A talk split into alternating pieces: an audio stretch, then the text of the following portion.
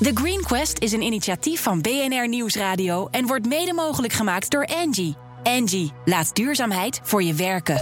BNR Nieuwsradio. The Green Quest. Edwin Mooibroek. Hoe gaan we de klimaatdoelen van 2020 halen? We hebben alle hulp nodig die we kunnen vinden. En daarom zoeken we in de Green Quest naar innovaties met impact. Het was de week dat er al op 28 februari een kievitsei werd gevonden. Nog nooit werd de lente zo vroeg ingeluid met de vondst van een kievitsei. En de vinder is dan ook zo blij als een ei met de vondst. Ik heb eeuwige roem te pakken en alles wat mijn hartje begeert... zo vertelt de trotse vinder Eduard van der Hoek uit het Friese Grauw. Bedrijven en overheden in Noord-Nederland hebben bekendgemaakt dat ze de komende 12 jaar 2,8 miljard willen investeren in waterstof. En donderdagavond doen ze hun plannen uit de doeken bij minister Wiebes. En de nieuwe campagne hashtag hoe verspillingsvrij ben jij moet ervoor gaan zorgen dat de verspilling van voedsel in 2030 met de helft minder is in Nederland. En dat is goed nieuws voor onze planeet, maar wellicht wat minder voor jonge gezinnen, want zij moeten vooral minder gaan verspillen. GroenLinks is een petitie gestart om internationaal treinverkeer te stimuleren en een concurrentie met vliegverkeer aan te gaan. Tweede Kamerlid en initiatiefnemer Suzanne Kreuger. De luchtvaart in Nederland loopt keihard tegen de grens aan. Van klimaat, van omwonenden, van natuur. En GroenLinks is een petitie gestart voor meer treinen, minder vliegen. Om er eigenlijk voor te zorgen dat die afstanden tot 750 kilometer in Europa... dat de trein een aantrekkelijker alternatief is dan het vliegtuig. En dat is helaas nu nog niet zo. De trein duurt langer, is duurder, is ingewikkelder om te boeken. Dus er moet een heleboel voor gebeuren. We denken dat er nu nog heel vaak wordt gekozen voor de luchtvaart de luchtvaart die uh, hoeft geen belasting te betalen, daar wordt flink in geïnvesteerd. Terwijl we eigenlijk vol zouden in moeten zetten op treinen voor de afstanden tot 750 kilometer. Um, en daarvoor moet er echt heel veel gebeuren door de Nederlandse overheid, maar ook in Europa in samenwerking om te zorgen dat er veel meer en beter en sneller treinen gaan rijden. Ja, Suzanne Kreuger van uh, GroenLinks. Uh, welkom Heike Luiten, directeur van NS International. Um, zijn jullie blij met zo'n petitie? Ja, wij voelen ons natuurlijk enorm gesteund door, uh, door deze petitie van GroenLinks. Hij is inmiddels, begreep ik, ook al 30.000 keer uh, ondertekend. Dus dat is uh, ontzettend positief. en daarmee zien we eigenlijk ook dat er steeds meer mensen zijn die inderdaad voorstander zijn van duurzaamheid. En dat ook kenbaar maken door het ondertekenen van, van een dergelijke petitie. Maar helpt zo'n lobby ook? Ja, dat helpt absoluut. Uh, we merken dat het afgelopen jaar het debat rondom duurzaamheid, ook in relatie tot internationale treinen, enorm aan kracht heeft, uh, heeft gewonnen. En uh, dat zien we inderdaad ook terug in het aantal treinreizen wat op dit moment geboekt wordt. Ja, want jullie hebben verbinding met Brussel, Berlijn, Londen en Parijs. Daar zit dus echt een stijgende lijn in. Er zijn meer passagiers. Ja, absoluut. Wij zien een gemiddelde groei van 10% eh, per jaar over de afgelopen uh, twee jaar. Dus afgelopen jaar weer 10% gegroeid ten opzichte van het jaar daarvoor. Dus we zien absoluut dat het aantal uh, treinboekingen groeit. En dat is mede te danken ook aan de aandacht die, die daarvoor is. Ja, want mensen willen niet meer vliegen? En mensen willen inderdaad eh, minder vliegen. We zien ook het eh, mooie woord vliegschaamte wat, eh, wat aan kracht wint. En we zien natuurlijk ook dat er een aantal verbindingen zijn toegevoegd die het absoluut goed doen. Vanaf afgelopen jaar rijden we ook twee keer per dag de Eurostar naar Londen. Dat vanaf Amsterdam, hè? Vanaf Amsterdam via Rotterdam, Brussel naar, naar Londen. Dat wordt die goed gebruikt ook? Ja, die wordt zeker goed gebruikt. Inmiddels hebben al zo'n 250.000 reizigers gebruik gemaakt van deze verbinding. Dus dat is, is een enorm succes. En we zullen in de loop van dit jaar ook een derde frequentie eraan toevoegen. En hopelijk, zodra de paspoortcontrole in Nederland uh, ook gereed is, hè, daar wordt op dit moment uh, hard aan gewerkt, uh, zullen we ook doorstappen naar een, naar een vierde frequentie. En dat is in het kader van duurzaamheid bijzonder goed nieuws. in één trein kunnen zo'n 900 reizigers mee. En dat is toch op de korte afstand. drie vliegtuigen, zeg maar. Nou ja, meer eigenlijk. Hè. Op de ja. korte afstanden vliegen kleinere vliegtuigen. Dus het is eigenlijk een nou, goed equivalent van rond de 900, uh, rond de 9 vliegtuigen uh, per richting. Maar toch blijft die concurrentie lastig hè, met het vliegen. Qua beperking van de CO2-uitstoot, dan winnen jullie het wel. Absoluut. Maar als je kijkt naar de kosten, dan verliezen jullie het. Ja, dat ligt er een beetje aan op welke afstand en, en hoe lang van tevoren je boekt. Inmiddels heeft ook Consumentenbond daar onderzoek naar gedaan. En ook de conclusie getrokken dat op een aantal afstanden de trein wel degelijk ook qua prijs concurreert. Welke afstanden zijn het dan? Maar je kan voor een paar tientjes kan je heel Europa door, maar dat lukt je met de trein vaak niet hoor. Nee, heel Europa door uh, niet inderdaad. Nee. Maar voor een paar tientjes kun je inderdaad wel naar Brussel, Parijs en, uh, en Londen. Uh, al naar gelang wanneer je boekt en op welk tijdstip je wilt gaan. Maar, maar maakt juist is... die prijs het ook niet makkelijker voor mensen om het vliegtuig te pakken? Als je voor een paar tientjes kan in plaats van dat je een paar honderd euro kwijt bent? Ja, daar heeft u gelijk in inderdaad. Dus prijs speelt een belangrijke rol. We zien daar dat de luchtvaart natuurlijk ook nog profiteert van belastingvoordelen die eigenlijk onder een heel ander gesternte, zou ik haast willen zeggen, ontwikkeld 1 btw op kerosine bedoelt u? Ja, exact. Hè. Dat is natuurlijk uh, allemaal in het leven geroepen toen zeg maar, vliegen nog heel erg moest bijdragen aan de economische groei van, van Nederland. Dus echt in een andere periode. Op dit moment wint het debat rondom duurzaamheid heel erg aan, aan kracht. En zou je zo'n regeling waarschijnlijk nu niet meer getroffen hebben. Maar door die belastingvoordelen voor het vliegen is het eigenlijk oneerlijke concurrentie, zegt u? Wij zouden inderdaad willen pleiten voor een meer level playing field daar. En wij zijn niet zozeer tegen het vliegen, maar wel absoluut voor trein. Mm -hmm. um, dus dat betekent de belasting voor het vliegen omhoog of voor de belasting voor de trein omlaag? Ik zou het laatste zeker wel, wel dat, willen bepleiten. Dat de trein goedkoper wordt? Dat de trein goedkoper zou kunnen worden ten opzichte van, van het vliegen. Um, en het daarmee dus inderdaad nog een aantrekkelijker alternatief wordt. Maar goed, zoals ik al zei hoor, het ligt ook een beetje aan hoe lang reizigers van tevoren hun, hun reis boeken. Dus het kan absoluut ook voordelig met de trein. Ja, op welke lijnen kunt u concurreren met het vliegtuig? Um, ik, uh, Londen doen we, het, uh, doen we het ontzettend uh, goed op. de Thalys richting het zuiden en overigens ook de Intercity Brussel richting het zuiden... hebben al een flink marktaandeel, met name richting Brussel. Parijs, idem dito. En met ingang van april rijden we ook twee treinen per dag... in beide richtingen naar Disneyland. En dat is een aantrekkelijke bestemming op zichzelf. En daarmee ook... kunt u concurreren met het vliegtuig ook? Ja, absoluut. Daar, daar ben ik zeker van overtuigd. Overigens ook de lijnen richting uh, Frankfurt uh, doen het erg goed. Ook in uh, vergelijking tot, tot het vliegen. Ehm, dat zijn ook lij lijnen die het in qua reistijd ook goed doen. Het is misschien iets minder snel dan vliegen. Maar daarentegen is er wel meer comfort. Kun je werken terwijl je onderweg bent. En dat wordt door reizigers ook zeer goed gewaardeerd. U was een jaar geleden hier ook in het programma Zaken doen. toen zei dat de samenwerking tussen Europese spoorwegen beter moet. Dat het alleen al 30% in de prijzen zou kunnen schelen. Is die samenwerking er inmiddels? Ja, we, zijn, uh, we werken eraan. Dat gaat stapsgewijs. Maar het is nog niet zover dus? Uh, het is uh, van traditioneel is het eigenlijk een markt die vrij binnenlands bestuurd wordt, het treinrijden. Dus daar hebben we inderdaad nog flink wat te winnen. Internationale samenwerking is moeilijk in Europa? het is er wel. Het is er wel, maar het is niet zo vanzelfsprekend geregeld zoals bijvoorbeeld in de luchtvaart. Dus daar wordt aan gewerkt. Hè. Dus de prijs kan nog verder naar beneden eigenlijk? Onze president-directeur, Roger van Bokstel, is vorige week toegetreden tot het bestuur van de SER. Dat is eigenlijk de overkoepelende organisatie die ook heel erg de samenwerking in de spoorsector internationaal bepleit. Dus we zetten daar goede stappen in. Ja, wanneer wordt het treinkaartje 30% goedkoper internationaal? Ja, dat kan ik u nog niet beloven, maar we werken er hard aan. Ja, maar is het een jaar, is het twee jaar, drie jaar? Ik, ik durf daar geen termijn aan te hangen. Maar voorlopig is het nog niet zover dus? Uh, Nee. Um, wat zijn verder nog de grote struikelblokken in het creëren van een groter aanbod, uh, snelle internationale treinen?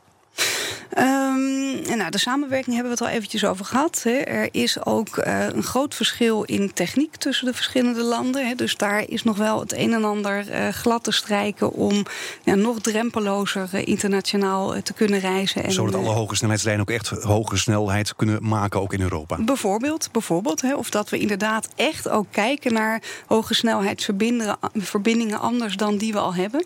Um, dus daar, daar, daar kan nog een stapje bij en daar werken we aan. Ja, laten we nog even teruggaan naar Suzanne Kreugen van GroenLinks... om in te zoomen op een paar specifieke treinverbindingen. En zij doet ook suggesties waar het allemaal beter kan. Bijvoorbeeld de trein van Amsterdam naar Berlijn. Daar doe je nu nog echt uh, heel lang over. En die zou een stuk korter kunnen als je bijvoorbeeld zou zeggen... één of twee keer per dag laat je die trein met veel minder stops doorrijden uh, naar Berlijn. Ik denk ook dat het heel belangrijk zou zijn dat de nachttrein terugkomt... voor de wat langere afstanden binnen Europa. Ja, dat was Suzanne Kreuger. Ze had het onder meer over de treinverbinding naar Berlijn. Ja, de afgelopen tijd bleek dus dat die lijn niet heel veel sneller kan. Hè. 6, minuut, 6 uur en 22 minuten doen we er nu over. 15 uh, stops. Waarom gaat het allemaal niet? Ja, nou, we werken daar eh, inderdaad aan om te kijken hoe we die trein eh, kunnen versnellen. Op dit moment uh, rijdt de trein via Bad Bentheim, is nu de grensovergang richting Berlijn. Um, daar is wel wat versnelling mogelijk, maar niet zodanig dat het echt een hoge snelheidsverbinding wordt. En daarom kijken we naast de huidige lijn ook naar een verbinding via grensovergang bij Arnhem. Yeah. Omdat we daar op termijn verwachten dat er meer versnelling te realiseren is. En hoe lang zou je er dan over doen? Om naar Berlijn te komen? Uh, uiteindelijk strijven we ernaar om dat in 4,5 uur uh, te kunnen doen. Maar, best lang, hè? Nou ja, het is ook best ver. Ik ben met drie kwartier ben ik met het vliegtuig ben ik er ook. Uh, ja, maar dan moet u ook inchecken, wachten, et cetera. Dus uh, 4,5 uur is zeker op deze afstand een, een, een, mooie concurrerende reistijd. Daar zijn we, zijn we van overtuigd. Maar het gaat ook niet allemaal zomaar. Hè. Zowel in Nederland als in Duitsland is het spoorwegnet druk bereden. En er zal ook aan beide zijden van de grens nog flink in de infrastructuur geïnvesteerd moeten worden om die snelle reistijd ook uh, te kunnen realiseren. Daar zijn we intensief over in gesprek met zowel de collega's van de Deutsche Bahn in Duitsland, als ook met de respectievelijke overheden, zowel in Nederland als in Duitsland, om ook inderdaad ervoor te zorgen dat de infrastructuur zodanig aangepast wordt dat er ook sneller opgereden kan worden dan op dit moment het geval is. Waarom duurt het allemaal zo lang? Waarom is het zo moeilijk om een HSL in Nederland, in Europa te krijgen? Nou, omdat het vraagt om grote investeringen. Dat zijn uh, flinke bedragen waar we het dan uh, met elkaar uh, over hebben. En het zijn investeringen die ook niet van vandaag op morgen gepland zijn. Um, dus een, een, groot deel van de investeringen die nodig zijn in Duitsland zijn al voorzien. Um, en moeten op dit moment nog van een jaartal voorzien worden. Mm -hmm. nou, en daar zijn we druk over in gesprek om dat zo snel mogelijk naar voren te halen. Ja, want sommige mensen hebben het er ook over. Er wordt al vergelijking gemaakt dat de HSL een boemeltje is op een racecircuit. Omdat ze heel vaak gewoon niet die snelheid kunnen maken. Ja, u bedoelt nu op de hogesnelheidslijn richting uh, Brussel? Ja, onder meer. Ja, dat klopt inderdaad. Hè. Daar uh, zouden we inderdaad ook graag uh, sneller uh, willen rijden.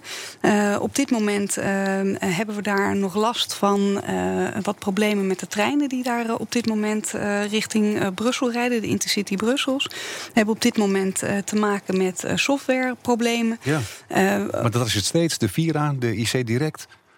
Het is op dit moment uh, het softwareprobleem waar we, waar we last van, uh, van hebben. Dat is het nu, ja. Dat, dat is het uh, inderdaad op dit moment ontzettend vervelend. zijn we met man en macht mee bezig om dat op te lossen. Die oplossing lijkt ook in, het, in het verschiet op, op dit moment. En dan zou het ook weer beter moeten gaan.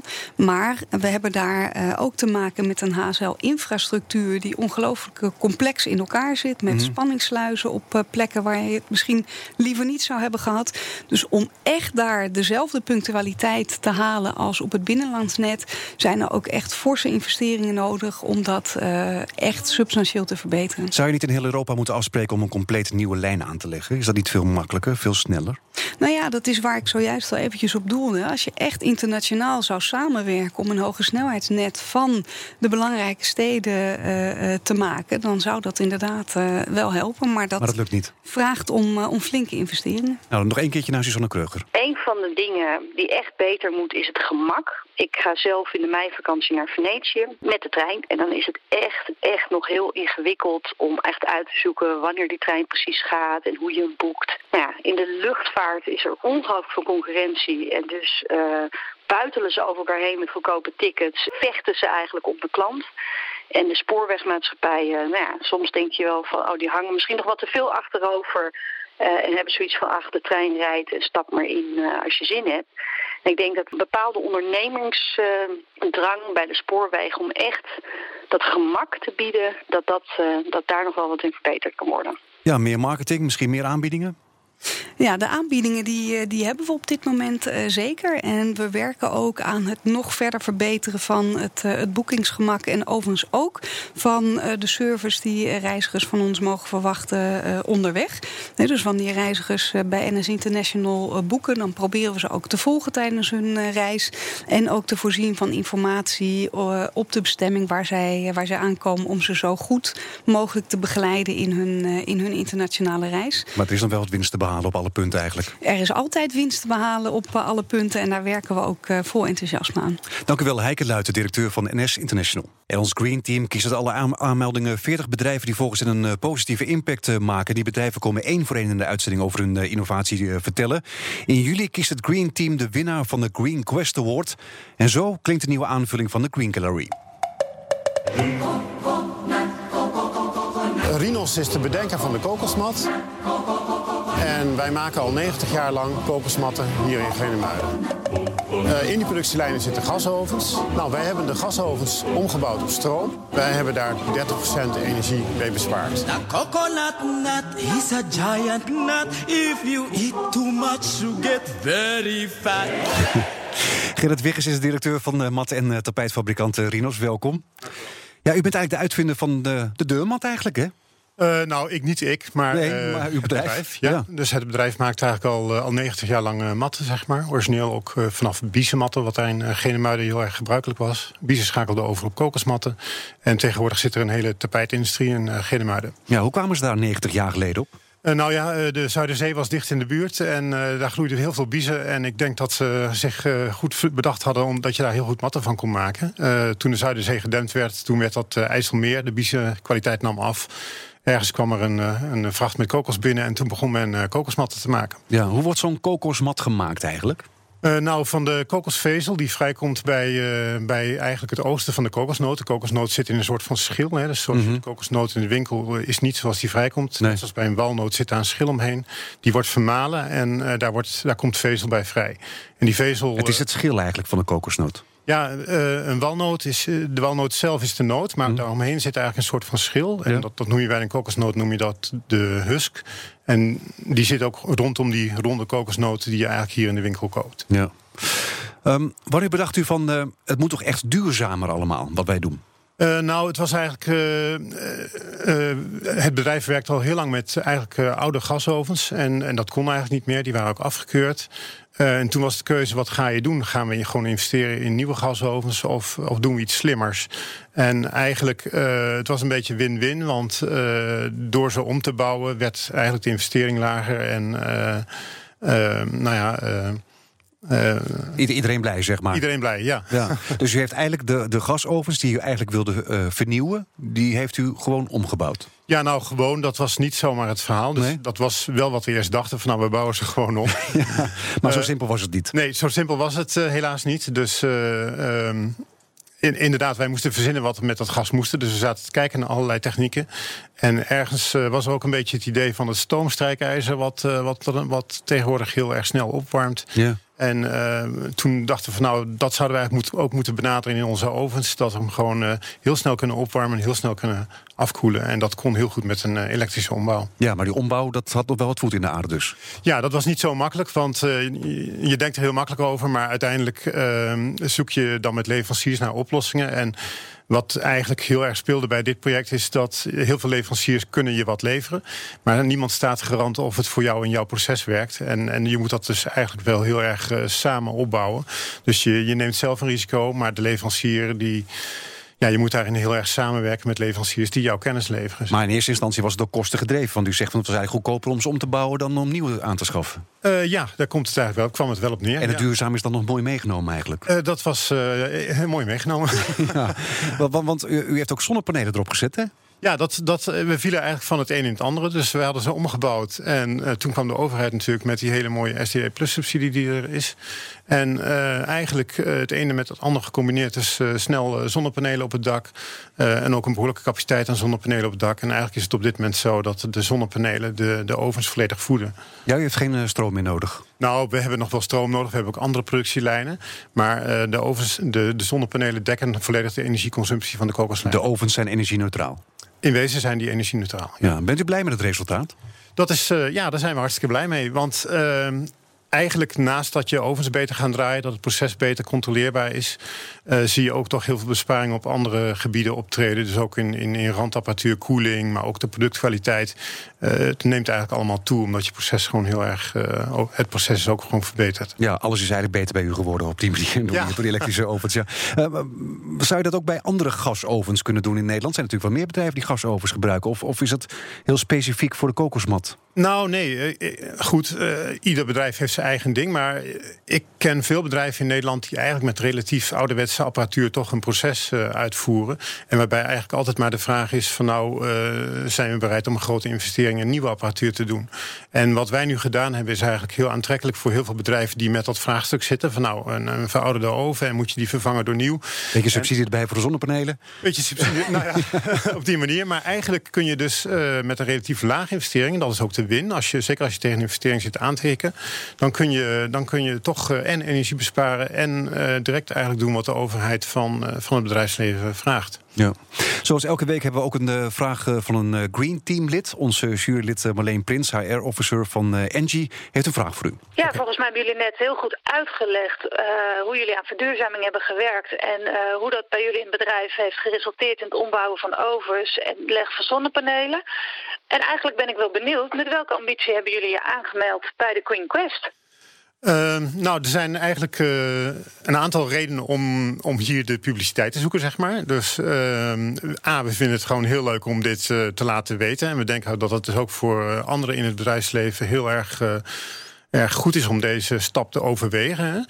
En, en, er zijn natuurlijk mits en maren, maar daar kom je wel overheen, is mijn indruk. En de tweede is dat uh, natuurlijk het product, de kokosmat, eigenlijk, dat willen we ook dat, vanuit ons bedrijfsbelang, is het natuurlijk heel erg goed om die kokosmat uh, hierin te promoten. En zeker omdat de kokosmat zoals wij die maken, naast een hele hoge kwaliteit, dus nu eigenlijk veel duurzamer is dan nou, ik zou rustig willen noemen dan bijna alle andere kokosmatten die er te krijgen Ja, want, want hoe vies is de reguliere mattenbranche aan CO2-uitstoot bijvoorbeeld? Uh, ik zou geen getallen durven noemen, maar de, de, de standaard deurmatten die worden natuurlijk van plastic gemaakt. En tegenwoordig ook wel veel steeds meer van gerecycled plastic. Alleen de, de kokosmat heeft als voordeel, daar hoeft helemaal niet gerecycled te worden. Want de kokosvezel is van nature natuurlijk al een duurzaam product. Ja. Dus. Trekt u er ook meer klanten mee dat mensen denken van hé, hey, duurzaam? Uh, dat staat eigenlijk nog in de schoenen. Wat we zien is dat duurzaamheid verkoopt uh, moeilijk. Hè? Dus uh, we zitten vooral in een, in een tussenhandel vaak. Hè? En de tussenhandel die ja, heeft toch altijd een, een, prijs, die roept een prijsdiscussie op. En wat we wel zien is dat het moeilijk is om dat duurzaamheid, om dat eigenlijk bij de consument te krijgen. En dat is gewoon uh, een lastig thema. Ja, zijn er nu alweer nieuwe milieudoelen gesteld? Het denk van nou, we zijn nu begonnen met de gasovens. Ik heb er wel meer wat een beetje duurzamer kan. Ja, het, uh, we hebben naast de gasovens voor de kokoslijnen hebben we ook gasovens voor onze reguliere mattenproductie. En daar hebben we ondertussen eigenlijk ook al een oven op omgebouwd. Het bevalt ons erg goed, de ombouw die we gedaan hebben. En ja, we willen die voordelen gewoon eh, verder uitbuiten. Oké, okay, dank u wel. Gerrit Wiggers en hij is van Rinos. Wil je onze zoektocht naar de meest duurzame innovaties op de voet volgen? Luister dan elke week naar de Green Quest. En bekijk ook de Green Gallery op ons platform, thegreenquest.nl. De uitzendingen zijn eh, terug te luisteren via de BNR-app en bnr.nl... of als podcast in iTunes en Spotify. En hey, doe het duurzaam.